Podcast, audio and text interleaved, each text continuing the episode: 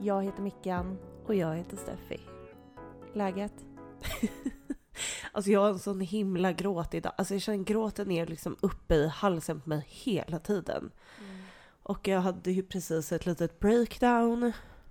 Nej, du hade inte ett breakdown. Vi båda satt ju och grät. Ja, För att vi hade en diskussion. ja exakt. Och Eller det kanske var ett breakdown. Jag ska inte lägga orden i din mun, men...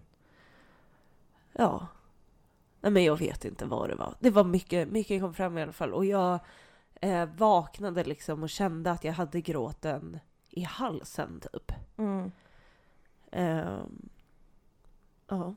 Har du lyckats komma fram till varför du har det? Eller är det bara... det är WhatsApp, massa liksom? olika saker. Alltså jag orkar inte ens gå in på, på varför. Det är ju bara, det är massa olika saker. Mm. Bara. Så att eh, det kommer nog komma och gå lite under det här avsnittet. Hur mår du? Jag eh, känner mig lite eh, matt just nu. Men eh, jag har haft en bra helg. Eh, det är måndag idag när vi spelar in. Förlåt att avsnittet kommer en dag för sent, men det gör heller ingenting. Det kan bli så ibland. Ja. Nej men det har varit lugnt, jag köpte en cykel. Ja, Mm. som det gick med. Vad fan skulle jag göra? Jag vägrar att cykla i stan. Jag vet. Jag vägrar det. Den här cykeln inhandlades på XXL-butiken som ligger liksom mitt i centrala Stockholm. Och Mm. jag bor en, alltså, en mil därifrån. Ja. Och eh, jag vägrade liksom cykla innan jag kom ut utanför stan. Mm. Och sen så hade jag ju med mig eh, Anton också. Och han hade ju ingen cykel. Men han hade med sig en hjälm. Och jag skulle prova att cykla honom men det gjorde så jävla ont eh, på utvalda kroppsdelar. när han satt på den där pakethållaren. så att det gick inte heller. Och han bara, det är lugnt, du kan cykla i förväg typ. Och jag bara, men det känns inte så kul typ. För att vi hade äntligen så här en hel helg tillsammans bara vi. Så jag bara, nej det är lugnt. Typ så, här. så gick jag och ledde cykeln hela vägen hem istället. Ja. Eller satt så här, jag typ cyklade jättelångsamt bredvid honom i hans gångtakt för att ja, det kändes typ bättre. Nej men eh, nu ska jag leva life med den här cykeln. Det känns så jävla... Ja, fy fan vad härligt. Det som är så kul det är att jag, eh, jag fick en cykel i födelsedagspresent förra året. Mm. Alltså det är nästan, det är typ tio månader sedan jag Ja. fyllde år. Och då så fick jag så här av mamma och pappa typ bidrag till en cykel. Ja. Och jag bara yes. Och eh, den inhandlades i lördags. det har tagit sin Det lilla är stund. så det funkar. Ja, men Ja. jag den. Jag ska åka och kvällsbada ikväll. Ja, det ska det. Fan vad härligt. Ja. Annars har jag fått första vaccindosen. Åh, den ska jag få imorgon. Alltså det var så härligt att få. Ja. För att det var liksom så här. Jag tyckte det kändes högtidligt. Alltså Ja. när man gick in där, man har bokat den där tiden. Jag var typ så här, jag var så glad, man har ju på sig det här munskyddet, men jag gick bara och log under det där munskyddet och typ hälsade på varenda liksom sjukvårdspersonal jag mötte i korridoren Ja. och bara Hej det är dags äntligen typ. De bara alright. Fast de var typ glada att någon var peppad. Och sen så hon som vaccinerade mig var så jävla gullig. Vi satt så här och pratade om typ att så här, ja men jag hoppas att jag ska få gifta mig nu och bla bla. Och hon bara oh my god du kommer hinna få andra dosen innan Ah. bröllopet typ. Jag bara jag vet det är så jävla nära. Bla bla. Alltså typ så. Och sen så när vi var klara, jag bara alltså det här är så, jag bara förstår du att du är en person nu i mitt liv som jag kommer minnas för resten av mitt liv. Ja. För du är den som har gett mig första vaccindosen. Mm. Och då blev hon glad. Och sen så var det inte så mycket mer med det, förutom att jag gick ut i det där väntrummet och skrek. Hörni! Hörni, vi har tagit första dosen, kan ni förstå? Det var så stel stämning där inne. Ja. Men jag tycker ändå så här. Varför kan vi inte ha lite, jag känner så här, okej ni är alla främlingar, men vi är alla personer som har tagit första dosen Ja, det är väl underbart. Det hade väl varit superhärligt om alla kunde gå ut och applådera åt varandra, typ när man hade tagit den där dosen. Nej, det var, jag tycker det var historiskt. Men det, är känns va- det är bra. ju det. Ja.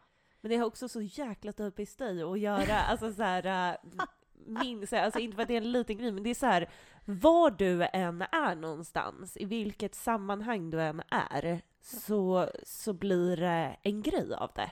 Ja. Du är aldrig bara och tar ett vaccin eller så här, har en dag på jobbet. Eller så här, det är liksom och då händer det här. Alltså så här, det aldrig blir något av allt. ja. Men jag älskar det med dig, för att du har alltid ett lager av historier att berätta. ja. Men eh, annars, eh, alltså, vad ska man säga? Jag vet inte. Det är så här, jag jobbar hela den här veckan, sen går jag på semester. Och eh, det är inte att jag har mycket att göra, men det är så fucking varmt.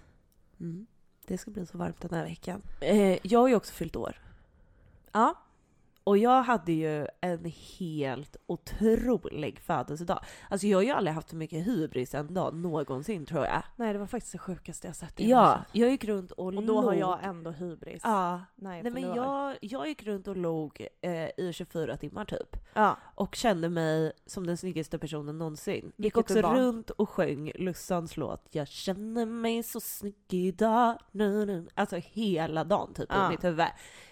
Eh, nej men ni hade styrt en så bra dag. Vi åt Ja. liksom lunch på Fjäderholmarna, middag på Tranan, efterfest på Sturehof. Alltså, Jajamän. men det var... Men du fyllde ju 30. Jag vet, men Klart det var ändå otroligt. Det Mm. var, alltså jag blev ändå så överraskad. Ja.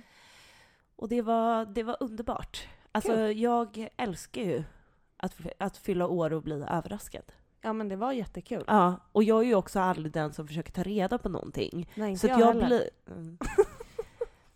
That's the biggest lie ever told. Eh, nej men, eh, så jag blir ju alltid så överraskad. För att Mm. jag går runt och också missar alla hintar som någonsin har getts någonsin. Ja. Så nu är jag 30. Ja. Eh, Välkommen. Och eh, känner mig eh, starkare och svagare än någonsin. ja.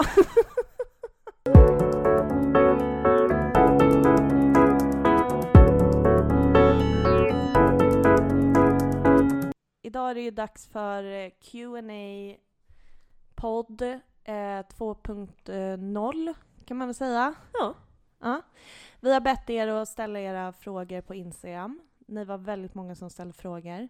Vi kommer inte hinna svara på allt, men vi har försökt att plocka ut lite sånt som, ja, men vi, som vi vill svara på helt enkelt. Ja. Det är inte svårare än så. Nej, Ska vi eh, sätta igång eller? kör. Ni har pratat om att ni är slash har varit sjukskrivna från ert jobb, men vad jobbar ni med? Mm. Steffi, vill du börja? Vad jobbar du med? Jag har ju jobbat de senaste typ tre åren på ett eh, konsultföretag som assistent. Eh, och sen så nu så har jag varit sjukskriven. Ehm, och nu så skulle jag ju då egentligen tillbaka till jobbet. Men då sa jag upp mig. Va? och då var jag så här, du vet, jag bara I hereby resign. Ja. Du vet, jag är verkligen uppstyrt. Eh, nej men och... Eh, Vad sjukt, sa du det? För din, eng, eh, din chef är engelsk? ja, Din jag var chef är engelsk. precis. Brittisk. Nej men det var liksom att jag bara, innan eh, vi började det här mötet med om hur jag ska komma tillbaka till jobbet så vill jag bara säga att jag, jag säger upp mig. I hereby Resign. Och då var jag tvungen att skicka mail och hålla på och då var det väldigt eh, formellt. Ja. Men eh, det kändes, eh, det är ju ändå något jävla fett med att säga upp ja, vad roligt. Ja. Men varför gjorde du det då? Ja du, det är, jag ska ju eh, faktiskt börja plugga. Va? På, nej, men, Jag försöker bara skapa effekter. Jo, jag förstår det. eh, nej, men jag ska ju börja plugga keramik på en folkhögskola.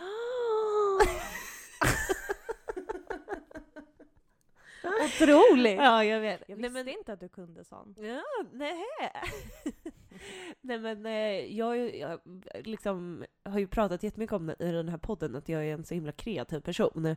Men sen har jag verkligen haft ett yrke som inte har varit så kreativt. Så nu jäklar så eh, blir det keramik i ett år. Du ska liksom flytta till en folkhögskola? Ja, till Järna. Otroligt. Ja, så jäkla kul. Och eh, nu under sommaren så jobbar jag lite extra på ett eh, café som ligger ute i Orhem. Som heter Torpet i Orhem. Mm. Så alla som bor typ i Stockholm, Torpet i Kom. Orhem. Googla och kom ut dit, för det är Ja. väldigt mysigt. Man kan också bada i närheten och allting. Ja, toppen ställe är det faktiskt. Vi är inte sponsrade. Nej. Nej, vi är inte det. Men varför skulle vi vara? Lite så. Nej, men så det är väl eh, det, är det jag gör. Vad, vad jobbar du med Mickan? Mm. Jag tror att jag har nämnt det någon gång i podden, men jag kanske har klippt bort det, jag minns inte. Men jag jobbar i alla fall på en organisation som heter MÄN, M-Ä-N. Det är en feministisk organisation som jobbar för jämställdhet och eh, mot våld, typ. Och eh, alltså så här destruktiva maskulinitetsnormer och machokultur och sådär. Ehm, och i den organisationen så finns det ju massa olika projekt och verksamheter. Ja. Och där jobbar jag i en verksamhet som heter killa.se som erbjuder massa olika typer av stöd till alla som definierar sig som unga killar. Mm. Och i den verksamheten så jobbar jag med en stödchatt som heter oxokillar.se. Förut hette den killfrågor. Och den har öppet fem kvällar i veckan och eh, man skriver dit helt anonymt liksom. Mm. Om man är kille, trans eller icke-binär. Och eh, öppnar upp sig om typ livet, alla frågor, stora som små, vad man än skulle vilja prata om. Ja. Om ni vill höra mig prata mer om det så kan ni ju gå in på killfrågor på Instagram eller söka på Youtube. Och så finns det... You'll find... Ja, alltså Mikaela från killfrågor har varit ute och härjat x antal gånger. Det är så jävla kul varje gång det bara Mikaela från killfrågor, för jag ser alltid en annan person framför mig än dig. Ja, men i, i, i perioder när det är liksom mycket representation, Ja. då blir jag liksom ansiktet utåt Ja, för då blir du verkligen Ja. Mikaela. Ja. Ja, Men okej. eh, så det är jag. Jag jobbar med eh, jämställdhet och antirasism och eh, lite sådana grejer utifrån perspektivet unga killar, Ja. kan man säga. Så- Det är kul! Ja. Okej, här är en fråga. Känner ni att ni har tappat vänner under detta? Alltså jag antar att det är sorgen då. Mm. Som inte har hört av sig som en kanske hade trott. Ja, det känner jag absolut att jag har gjort. Eh, inte liksom mina närmsta, närmsta vänner. Men eh, jag, jag tror att eh, inte alla eh, hade liksom lika lätt att förstå att jag inte kunde liksom höra av mig. Att man, eh, att det liksom var vissa som till slut inte orkade höra av sig längre för att jag inte Mm. svarade. Och eh, det ehm, hade jag jättesvårt att komma över. Så eh, det finns absolut personer som har försvunnit ur mitt liv på grund av, liksom, eller efter, efter sorgen. Men är det sådana som då inte har fattat eh, varför du är på ett sätt? Ja, exakt. Ja. Ehm, exakt. Och eh, jag kanske inte heller har orkat förklara för, för de personerna lika mycket som jag kanske har orkat förklara för mina närmsta vänner. Alltså Mm. så kan det också vara. Men eh, ja, jag vet inte. Jag har inte förlorat någon väldigt, väldigt nära till mig. Det har jag inte. Alltså jag kan ju säga så här att eh, det finns ju väldigt många fler, om man säger jobbiga situationer i eh, livet, trauman, där eh, vänner kan försvinna eller göra en besviken för att de inte kanske är som man förväntar sig eller vad man ska säga. Och eh, för mig så var det typ så när jag blev utsatt för ett övergrepp, Mm. och det är ju typ 11 år sedan. Mm. I den perioden efter, det kanske var två år eller någonting, där det var riktigt, riktigt illa med mig. Mm. Då tappade jag väldigt många vänner. Och väldigt många som jag trodde skulle vara på ett speciellt sätt var på ett annat. Mm. Men det var någonting där som också förändrades i mig i vad jag liksom värderade i typ en vänskap. Mm. Och de flesta som är som står mig absolut närmst idag är liksom personer som antingen fanns innan den perioden och som fanns för mig på ett... Alltså, normalt sätt eller vad man ska Mm. säga. Eller så är det personer som jag har lärt känna alltså efter det. Ja. Och som kanske inte var i mitt liv precis när det hände men som ändå har stått bredvid mig och sett konsekvenserna av vad det gjorde med mig Mm. och ändå har stått kvar liksom. Mm.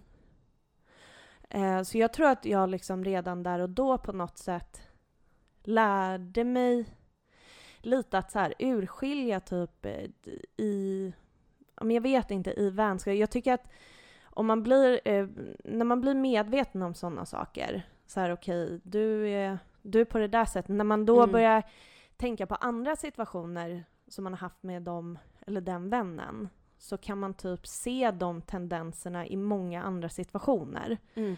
Och när man har gått igenom en sån jobbig period i livet så lär man sig också att se sådana tendenser i människor man fortsätter träffa. Ja.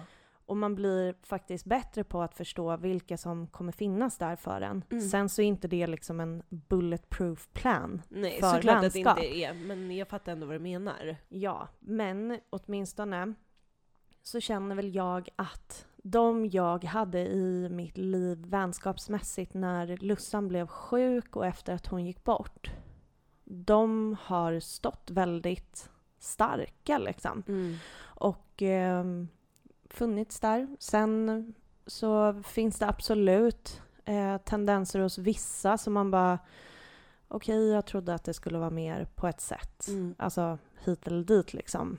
Allting funkar inte perfekt men det är också ehm, det är också så att eh, alltså det, det, jag tycker att det är svårt för att eh, man har också förståelse för att eh, även om vi går igenom den här sorgen så pågår det massa andra saker i andra personers liv också. Ja. Handlar liksom inte om, eller jag tänker att, för att nu när jag började, jag började fundera nu när du satt och pratade. Eh, och eh, då kände jag så här, ah, okej, men det var, fanns absolut personer som, som inte orkade höra av sig, men det var inte heller personer jag kanske förväntade mig så mycket av. Men det fanns ju faktiskt eh, så här, minst en person i alla fall, som jag kan komma på nu, som jag blev besviken. Och kände att så här, så här hade inte jag hanterat den här situationen liksom. Um, så ja. Men tycker du att man borde typ så säga det till den personen? Alltså om man blir besviken på sin vän. Ja, det kanske man ska göra. Men jag hade, jag hade i alla fall inte någon ork till att göra det. Nej. Alltså så här, jag var så här, skitsamma typ. Då Men det är också, man kommer ju typ inte på det förrän det har gått en Nej, tid. verkligen. Man fattar det knappt där och då liksom. Mm, mm, mm. Verkligen inte. Och eh, nej, men jag kände väl bara att så här, jag hade hanterat den här situationen annorlunda. Jag, jag fattar faktiskt inte hur man typ kan göra så här. Liksom inte... Jag tänker typ att eh, man måste göra det bara som känns bra i en själv. Jag tycker också att det är helt okej att bara låta ja, men det rinna ut i sanden Mm. ifall det känns som att det är okej i en själv. Jag tycker inte att man måste eller ha någon form av obligation att höra av sig till någon man är besviken på vänskapsmässigt Nej. och typ vara så här, vet du vad?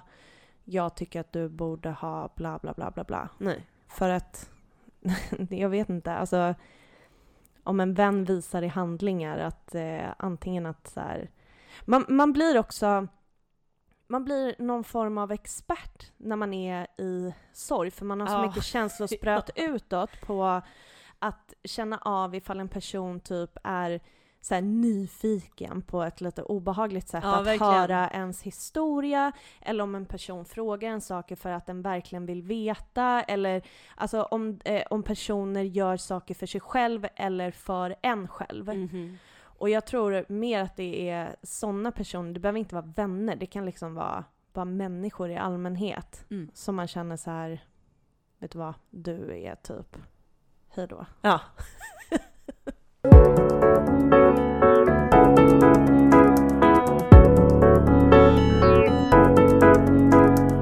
Här är en fråga.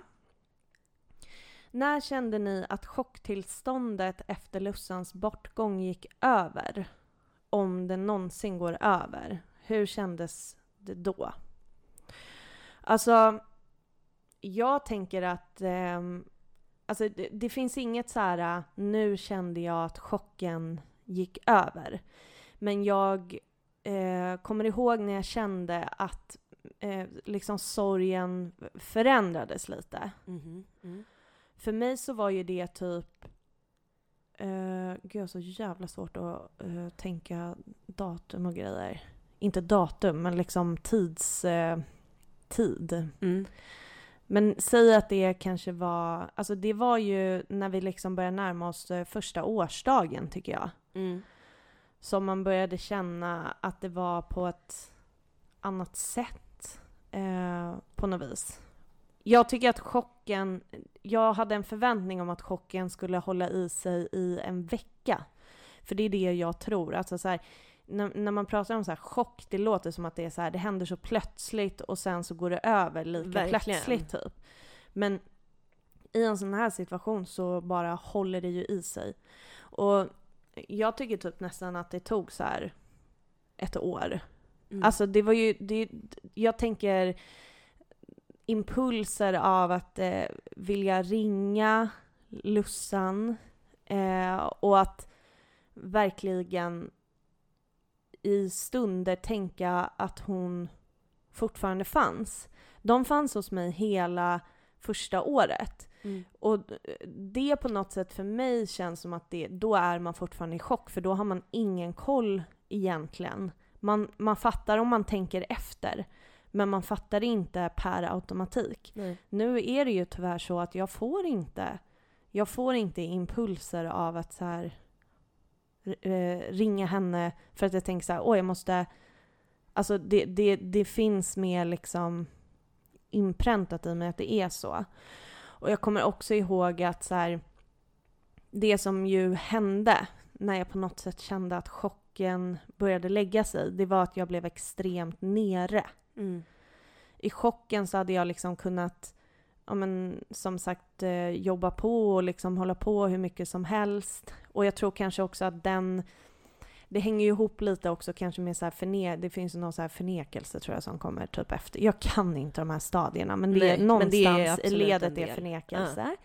Och eh, det kanske, man kan inte säga vad, vad det ena och vad var det andra, men jag skulle nog ändå säga att den där chocken höll i sig i upp mot ett år i alla fall. Då går vi vidare till nästa fråga. Tycker ni att sorgen har förändrat era personligheter slash sätt att vara? Gud, intressant fråga. ja, herregud, jättemycket tycker jag att det har förändrat mig. Eh, jag vet inte liksom om den har förändrat min personlighet så sett. Alltså jag tycker ändå att jag är liksom samma personlighet som jag varit. Men det finns eh, vissa beteenden. Alltså jag har blivit ängsligare. Eh, jag eh, har liksom mycket svårare för typ så här, eh, sociala sammanhang. Eh, jag känner eh, känner inte på samma sätt att jag orkar vara liksom out there på samma sätt som jag kanske har. Ehm, men grejen är att det beror ju också mycket mer på att jag känner efter vad jag känner. Så att, ja det är väl för sig kanske en personlighetsförändring, jag vet inte. Men, eh, men det är väl typ så här den största skillnaden som jag kan ändå så se i mig. Jag känner nog lite um, tvärtom när det kommer, alltså ängslighet. Jag har väl aldrig varit ängslig så, fast jag, jag, är också ängslig på många olika sätt. Herregud, jag har typ så här kroniskt orosyndrom eller vad någon psykolog sa till mig någon gång, minns jag exakt. Men eh, jag kan på ett mycket, det här är ganska nytt i mig, men jag kan på ett helt nytt sätt känna det här spelar faktiskt verkligen ingen roll. Mm. Att jag, jag kan, det, det är på något sätt som att jag har så börjat nu sakta men säkert lära mig att man kan sätta saker i relation till att det värsta verkligen har hänt. Mm. Och på riktigt känna, jag skiter i om det här går bra eller dåligt, för det här spelar ingen roll. Saker i livet som man kanske bara blev irriterad över eller tyckte var jobbiga eller vad som helst. Jag har inte kraften att bli det över små saker för att varför ska jag bry mig om det?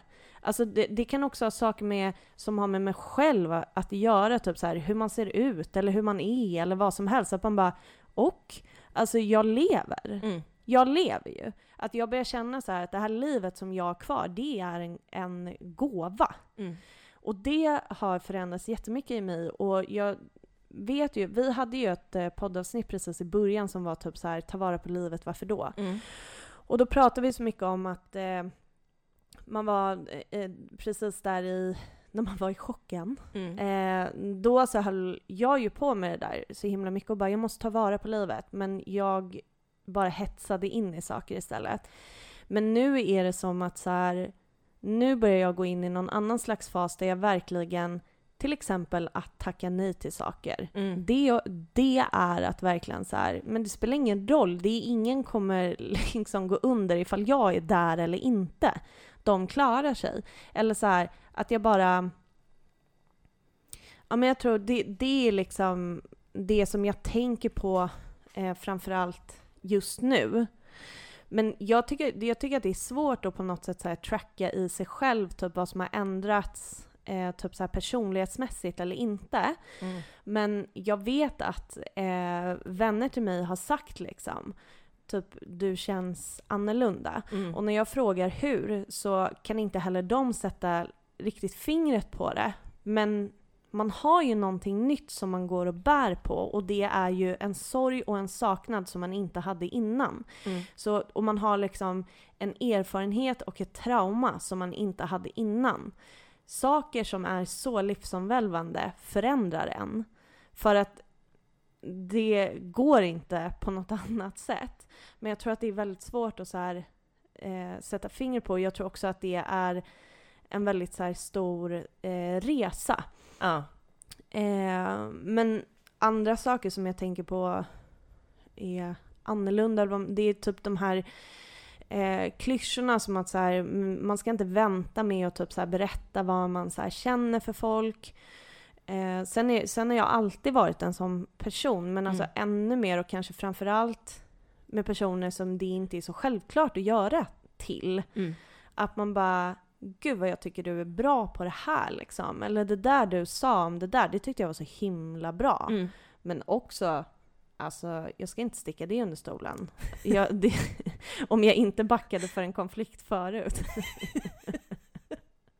ja, jag har inte tid för bullshit. Alltså, jag har ingen tid. Du hade ju inte tid innan. Nej, men nu men har jag du har ännu tid. mindre tid. Jag Nej. har inte tid. Nej. Men jag har lärt mig vilken bullshit jag orkar lägga energi på. Ja.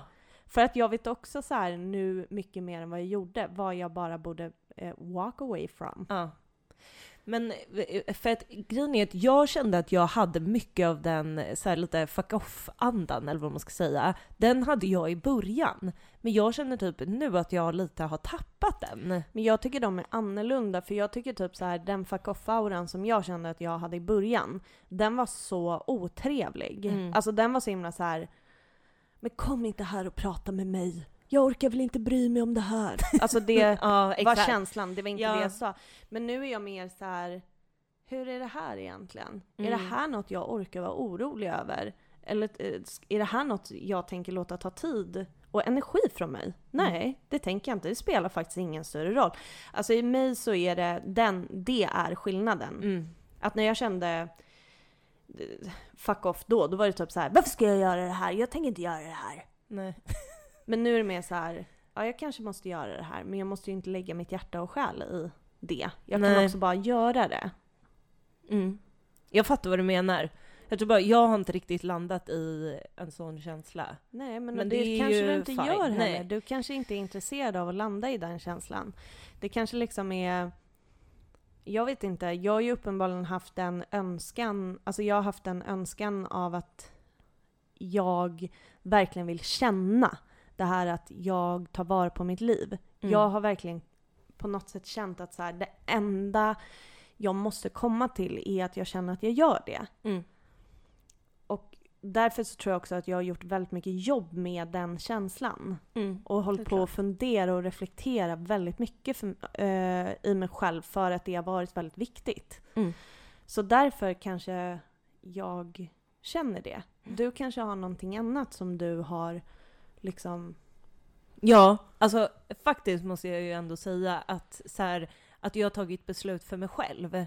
Ja. Till exempel med att jag har sagt upp mig och eh, ska plugga keramik. Alltså det hade tidigare hade det tagit mig så lång tid att komma fram till. Men nu så var det ett väldigt enkelt och inte så eh, jobbigt beslut att ta. Mm. Och det är det jag menar, att du kanske inte formulerar på samma sätt som, Nej. som jag, eller du kanske inte ens bär på samma känsla som jag. Men det är ju ändå saker från att man har erfarenheten och traumat av att gå igenom den här sorgen som leder till att man känner Alltså jag känner väl väldigt mycket mer än innan att så här, ja men det är sån här klyschkänsla att man bara, jag har ett liv, jag måste ta vara Mm. på det. Och så här, eh, typ vem bryr sig ifall jag ser ut så här? Jag lever ju. Mm. Eller vem bryr sig ifall jag sa fel? Vem bryr sig ifall jag stavade fel? Eller du vet så här, saker som inte spelar någon som helst roll Mm. överhuvudtaget. Det viktiga är att man lever och mår bra liksom. Mm, verkligen. Och den känslan, alltså det är en av de största klyschorna som man håller på med hela tiden. Men sen så är det så här yttre faktorer som påverkar så att man blir helt fuckad i huvudet. Men jag känner väl att de yttre faktorerna inte påverkar mig alls lika mycket. Nej. Sen har man PMS en gång i månaden. ja, Och då den- tror jag igen, nej nu är jag tillbaka här. Och sen när det går över, då bara, nej det var falskt alarm den här gången också.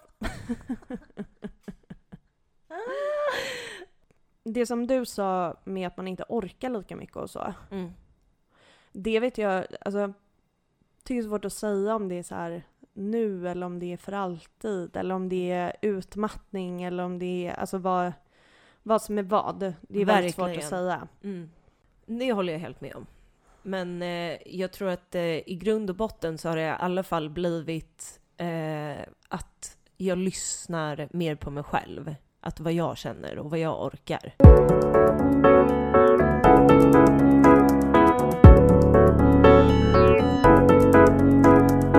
Nu kommer faktiskt en väldigt eh, spännande fråga som ju vi också har tänkt att göra typ ett eget avsnitt på. Så ni får väl eh, se det för vad det är och jag tror kanske att det här blir sista frågan som vi hinner med. Uh, hur ser ni på att bli kär eller dejta i sorgen? Mm.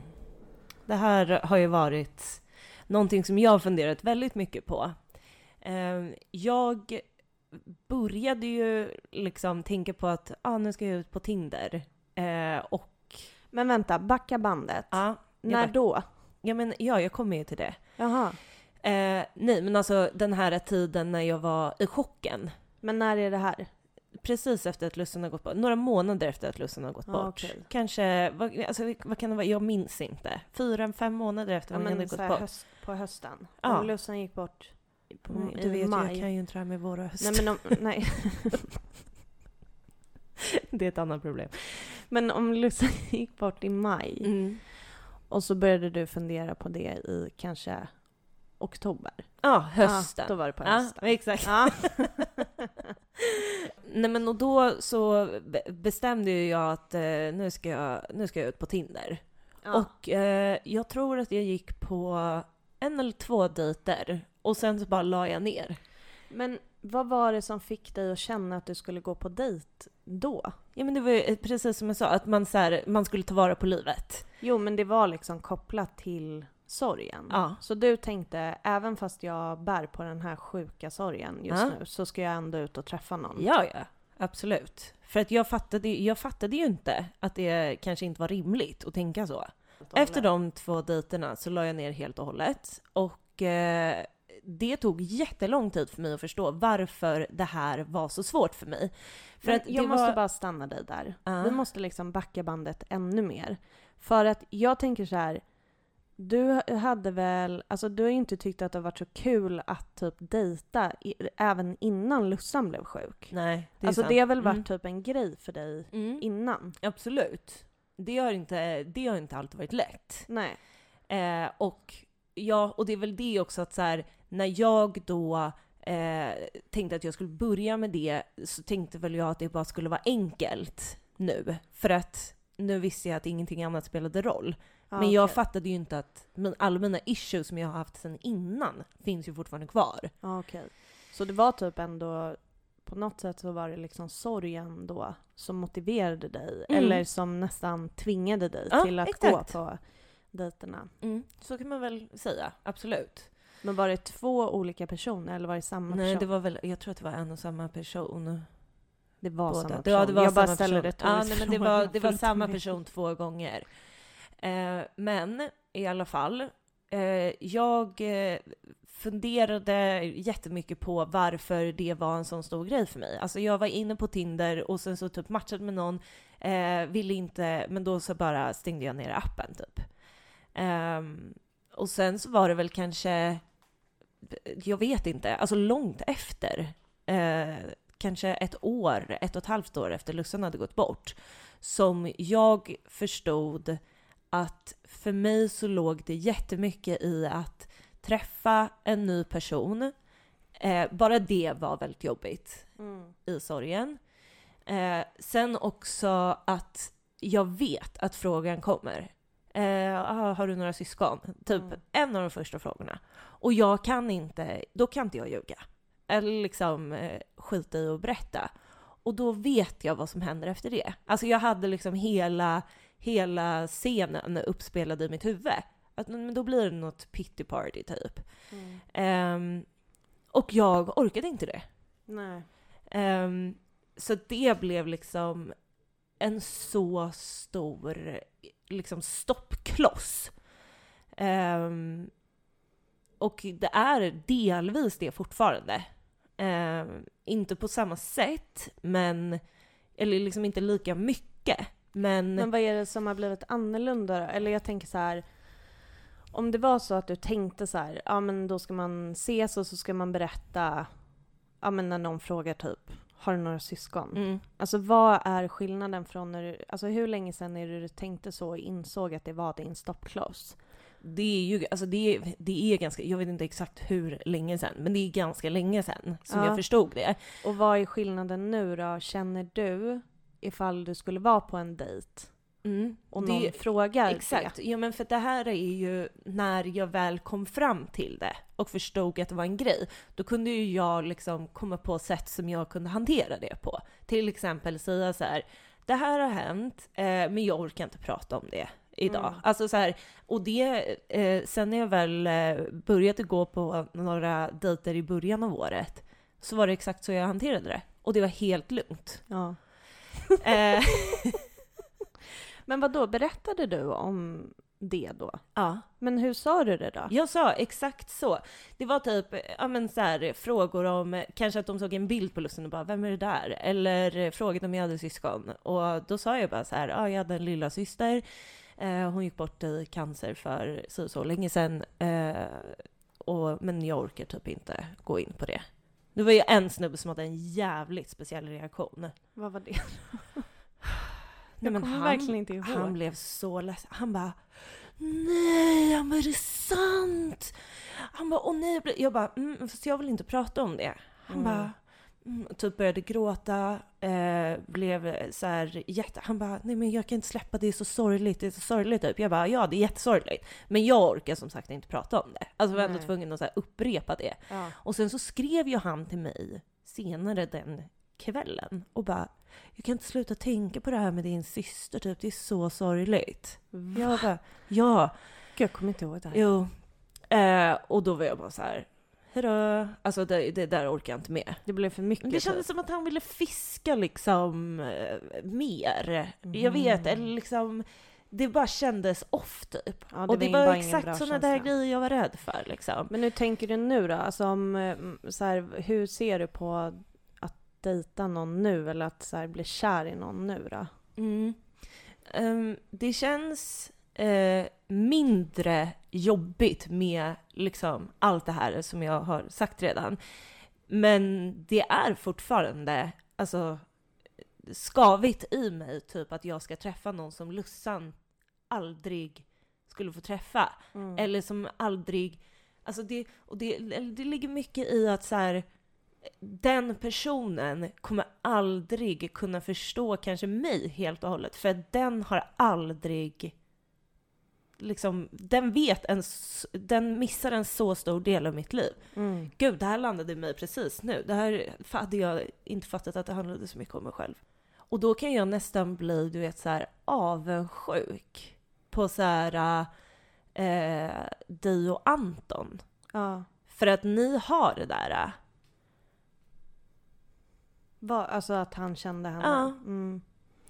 Jag fattar det. Alltså jag fattar verkligen det. Jag tycker ju att det är jätteskönt, eller vad man ska säga, att vara ihop med en person som inte bara kände Lussan utan som var så himla nära henne och som Mm. verkligen så här.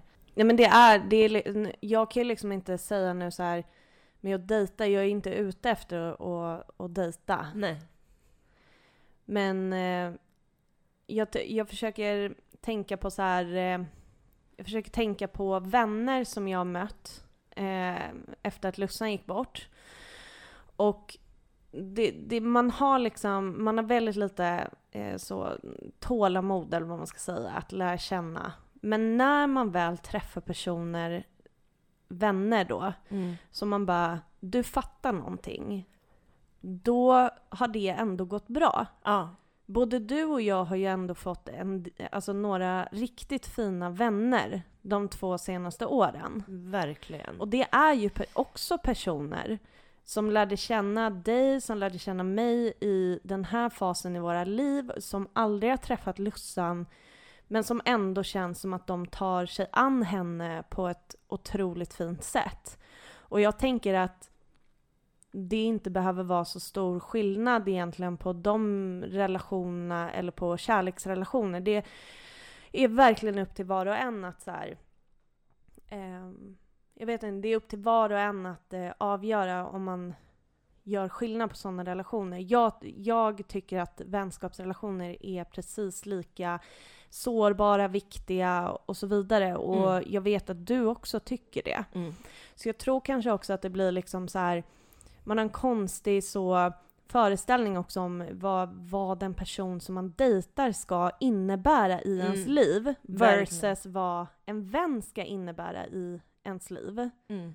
För du skulle ju inte egentligen göra skillnad på vad, vad, vem som betyder mer eller mest eller vad man Nej. ska säga. Det är bara olika typer av relationer. Ja, verkligen. Absolut. Så jag tänker att om man liksom kan ta ett steg tillbaka och se på det på det sättet så kanske det inte heller blir lika eh, laddat. Alltså, allting handlar ju om att hitta, nej den här personen kommer inte ha känt dig innan det här hände. Men den personen som du liksom blir ihop med, om du vill, den kommer ju liksom, det kommer ju inte vara en person som, som är som den snubben som typ börjar gråta och skriva, alltså så här dag nummer ett liksom. Det, det, det kommer ju vara en person som på andra sätt liksom visar att så här, okej men jag fattar att det här är en jättestor del av ditt liv. Den kommer ställa frågor om Lussan, vilja lära känna Lussan så gott som det bara går. Mm. Det är ju en sån person du kommer hitta. Ja, För du har ju hittat såna vänner. exakt. Så det här, det, det, jag tänker också att så här, stoppklossen är alla de här sakerna som du säger, men det är också en så här riktigt konstig föreställning om vad man tror att en kärleksrelation eh, måste vara, typ. Mm. Men du har helt rätt. Precis det som du säger, att det blir så himla laddat. Eh, det tror jag det ligger jättemycket i. Och också att det är liksom det här, det, det blir inte spontant på samma sätt om man är på Tinder. Det är liksom arrangerat på något sätt. Alltså det spelar också in att det Absolut. blir, att det blir fuckat. Och att, det, och att jag tror att jag tänker på det annorlunda, eh, på, alltså från vänner versus att gå på dejt med någon. Ja men det är väl klart, och så här, Tinder är en grej. Mm. Men jag tänker om man liksom tar bort Tinder ur den här ekvationen och bara tänker på att det handlar om att möta en annan människa Mm. och att man ska vara tillsammans med en människa och ha den i sitt liv. Så det, det är i det, i det, det är i det steget jag tänker att man ska vara försiktig med att göra liksom kärleksrelation till något annat än vad en annan relation är liksom. Mm. Så länge du hittar någon som kan vara så stöttande, eh, nyfiken på dig och på Lussan och på mig.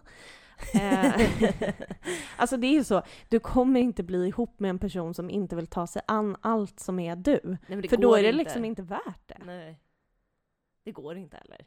Och om du är den personen som lyssnar, då kan du slide into her DM. Faktiskt. Ja.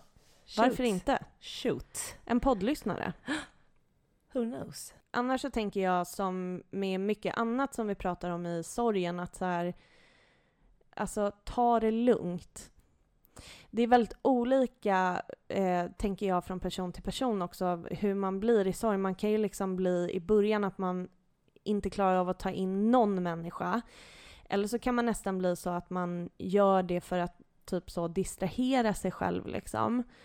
Eh, för det här har jag hört, det, jag vet inte, jag har hört det från olika som är i liknande situationer att det, det är väldigt, väldigt olika. Mm. Och och oavsett så tror jag att eh, alltså gå på känsla och att inte, som du kanske gjorde, tvinga dig till att gå på en dejt eller bli kär. Men blir du det, även fast du är tre månader in i din sorgeprocess, alltså vad fint Ja. att du kunde bli det. Det var inte riktigt samma situation, men liksom när jag och Anton började dejta, när vi liksom var på, det var knappt ens en dejt, men när vi liksom lärde känna varandra för första gången och verkligen satt och pratade med varandra, då fick han liksom ett samtal om att hans farfar hade gått bort Mm. som han stod väldigt nära och det var en jobbig tid för honom efter det. Kort därefter så fick eh, vi veta att våran farbror hade gått bort. Och kort därefter så fick vi veta att vår farmor hade gått bort. Mm. Så det var liksom för både mig och Anton tre eh, liksom nära släktingar som försvann från oss mitt i perioden när vi var nykära. Mm. Och det gick ju bra. Eller så här, det, grejen är att det, det, var, det var absolut utmattande för att man var så himla glad för att man var nykär. Men man var också så himla ledsen för att man var i sorg. Ja. Så det blev alltså, det var väldigt mycket starka känslor åt alla håll och kanter. Men det gick ju. Alltså det vi gjorde var att liksom vara med varandra i det där från början. Mm. Och det tror jag gjorde också att vi blev starka. Alltså jag har ju aldrig behövt tvivla på att han kommer finnas där för mig i en jobbig situation på samma sätt som han inte behöver tvivla på mig liksom. Nej. Så herregud, man kan absolut bli kär när man går igenom sorg och så vidare, men det är lite så här, lite beroende på situationen, lite beroende på vilken typ av person man är. Men blir man kär och vill man dejta fast man är i sorg, varsågoda. Ja. Det är klart du ska göra det. Men tvinga inte dig själv till någonting, för att det blir ofta bara keft och inte bra överhuvudtaget. Och framför allt, som vi upprepar i den här podden, alla känslor finns samtidigt. Allt existerar. Det är liksom, det ena utesluter inte det andra. Nej. Att du är i sorg och är jätteledsen utesluter inte att du kanske råkar träffa någon som är den du blir kär i. Nej, verkligen inte. Så är det med det. Ingenting att känna skuldkänslor för om man vill. Inget att känna skul- skuldkänslor för om man inte vill. Nej. Well said. Tack så mycket. Hörru du, nu eh, har vi spelat in här ett tag Ja. och vi har ju, eh, jag vet inte om det är tråkiga nyheter eller om det bara är någonting vi måste berätta. Men gud vad dramatiskt. Ja, verkligen. Det var Nej men det här är, vi känner att vi är i behov av ett sommarlov, att få ha verkligen riktig semester innan det ska hända väldigt mycket nya och roliga saker med podden i höst. Mm. Så ehm, vi är tillbaka 16 augusti. Ja, precis. Fyra veckor, ni klarar er. Ni får lyssna på liksom era favoritavsnitt. Ja, och vi kommer ju hänga på Instagram. Ja men det kommer vi göra. Vi kommer liksom, eh, vi har lite idéer och planer. Ja.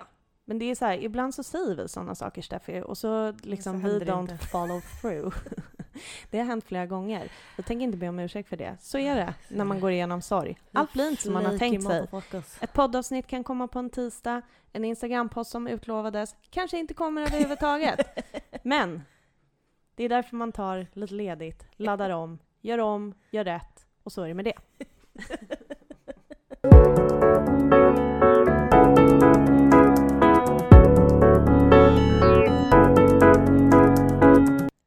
finns på Instagram. Där heter vi Vem vill prata med en sorgsen? Och vi har en Gmail, Vem vill prata med en sorgsen? at gmail.com.